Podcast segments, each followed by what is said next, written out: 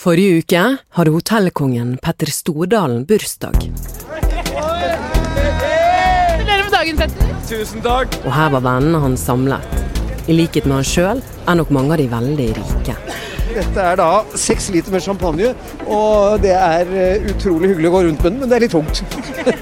I samme by, samme kveld, kom en statsminister, en finansminister og en leder fra Sosialistisk Venstreparti ut i vandrehallen på Stortinget for å legge fram neste års budsjett. At det er en sak som vi har jobba med over tid, som eh, så er helt ny i dag, det er utflyttingsskatt. Og ett punkt på budsjettet gjorde muligens stemningen på Stordalens fest litt kjipere.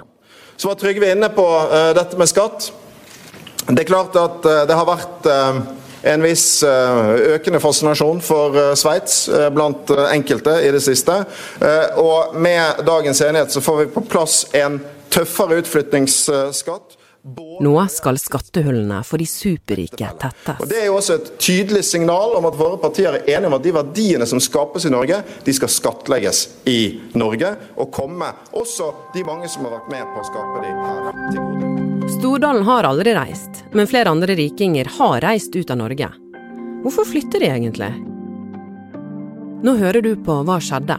En podkast hvor vi tar deg med bak nyhetsoverskriftene. Mitt navn er Anna Magnus.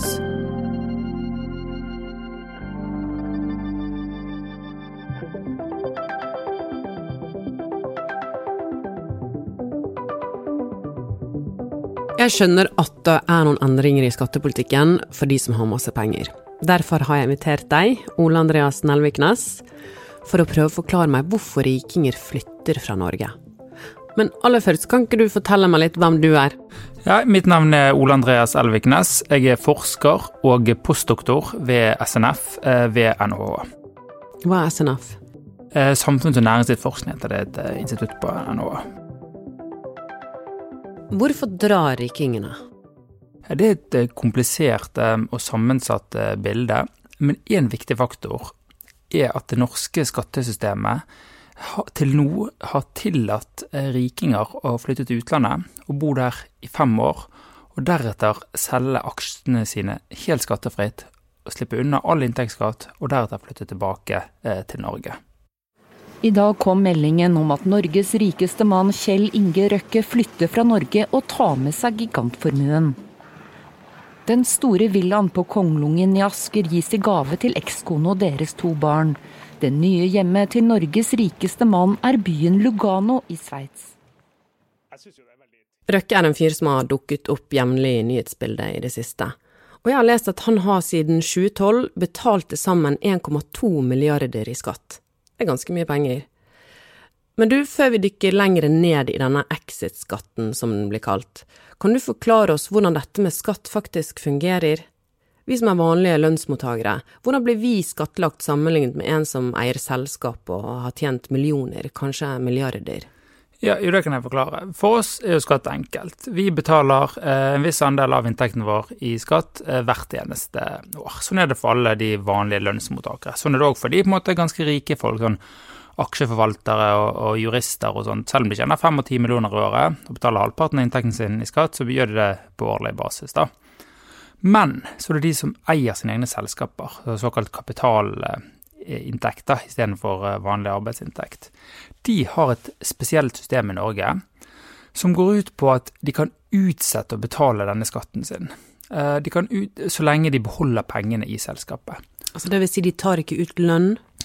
Eh, Riktig. Overskuddet Overskudd i selskapet deres blir stående i selskapet, og da slipper de på en måte å, å betale skatt på det, selv om da selskapet eh, tjener mye penger. De må betale selskapsskatten, så den, den vi holder utenfor dette, for den er på 22% Så 22% skatt, det må, det må man alltid betale. Men den, den resten av skatten deres, som eh, da vil være, har vært rundt 30% den kan de da velge å utsette um, um, i mange år. Så for eksempel en som Petter Stordalen, som eier mange selskap og ikke tar ut lønn, men utbytte, han betaler mindre i skatt enn en med gjennomsnittsinntekt i Norge? I prosent av eh, lønns- eller inntekt, så ja, men ikke, ikke i antall kroner, selvfølgelig. Ok, så sånn er skattesystemet i Norge, da. Men hva er det som skjer i disse dager, da? Jo, for det nå var det veldig mange som valgte nå å, å flytte til Sveits eh, nå i høst. sant? For det, da tar de med seg all den inntekten sin til Sveits. De tar med seg alt de har tjent eh, i, i, mange år som de ikke har betalt skatt på ennå. Så kan de flytte til Sveits og bo der i fem år, og da vil skatteregningen frem til nå ville blitt slettet. Så da kan de dra tilbake igjen til Norge uten å betale skatt i det hele tatt av all inntekten sin. Så det vil si at de kan da ha, ha sluppet unna all inntektsskatt eh, de siste 10-15 årene. Og det eh, var jo noe som, eh, når regjeringen oppdaget omfanget av dette, da, kom, nå er det 42 superrikinger som har flyttet i, i, høst, så når regjeringen oppfattet oi, dette er noe mange bruker dette skatthullet for å slippe unna skatten sin, så prøvde de å tenke på ting de kunne gjøre for å stoppe det. da. Og det de har kommet frem til, um, er å endre det sånn at du ikke lenger kan flytte tilbake etter fem år. Så de kan fortsatt ha med seg alle inntektene sine som de har tjent til utlandet uten å betale skatt på det, men de kan ikke flytte tilbake til Norge etter fem år. Så hvis de vil bo i utlandet for alltid, så, så er det greit. Men du kan ikke lenger bruke det hullet at du drar tilbake etter fem år.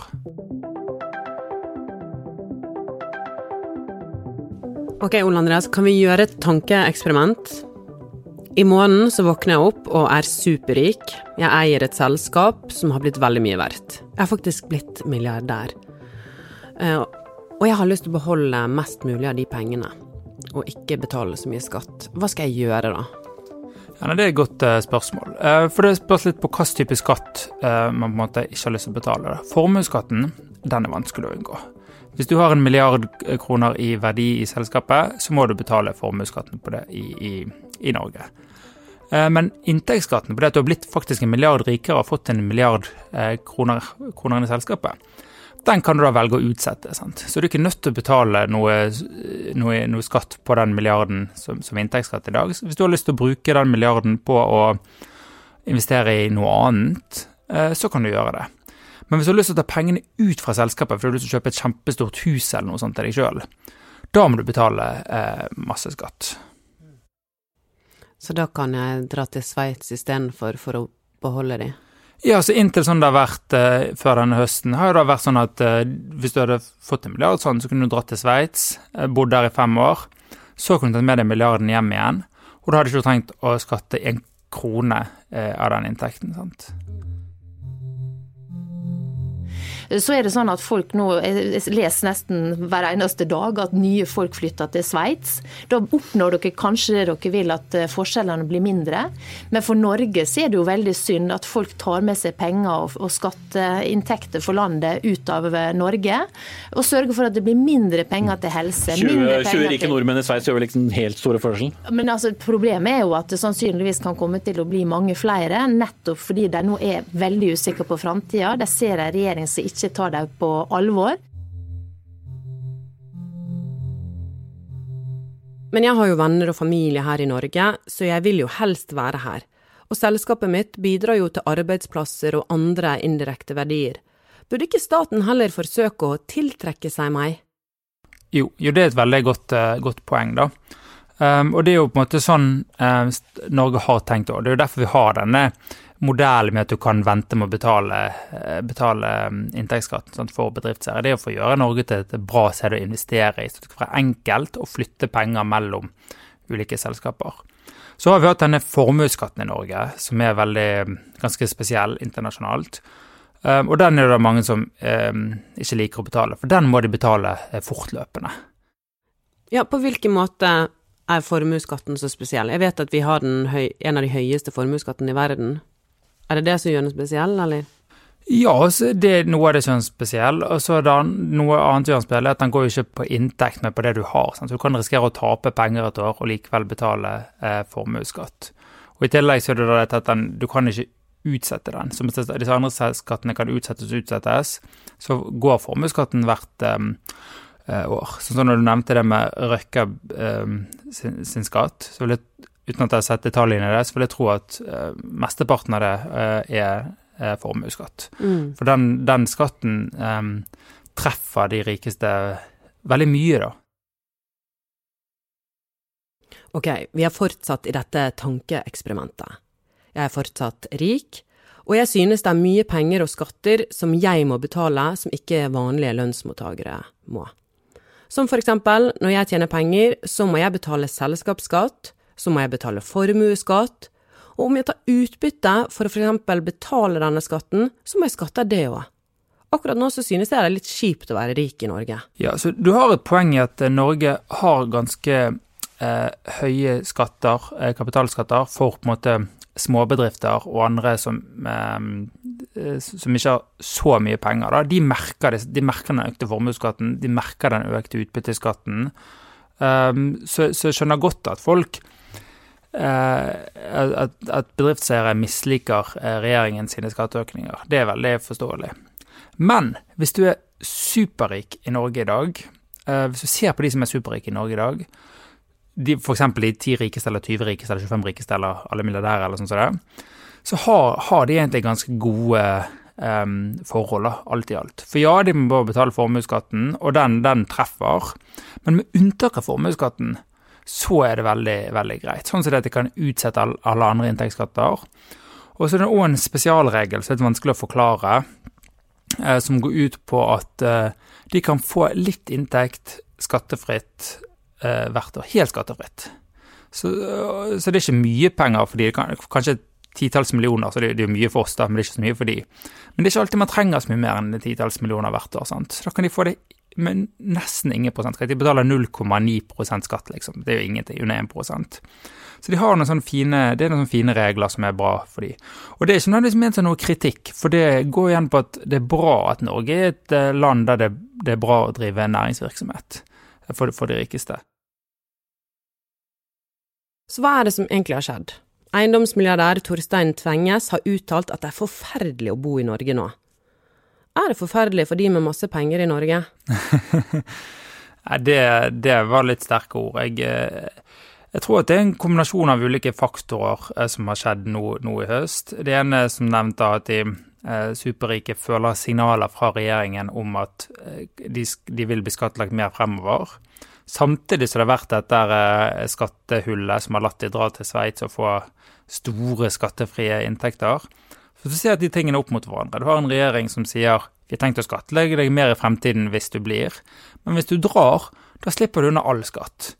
Da skjønner man på en måte at det kan være litt ekstra fristende å dra eh, nå i høst. da.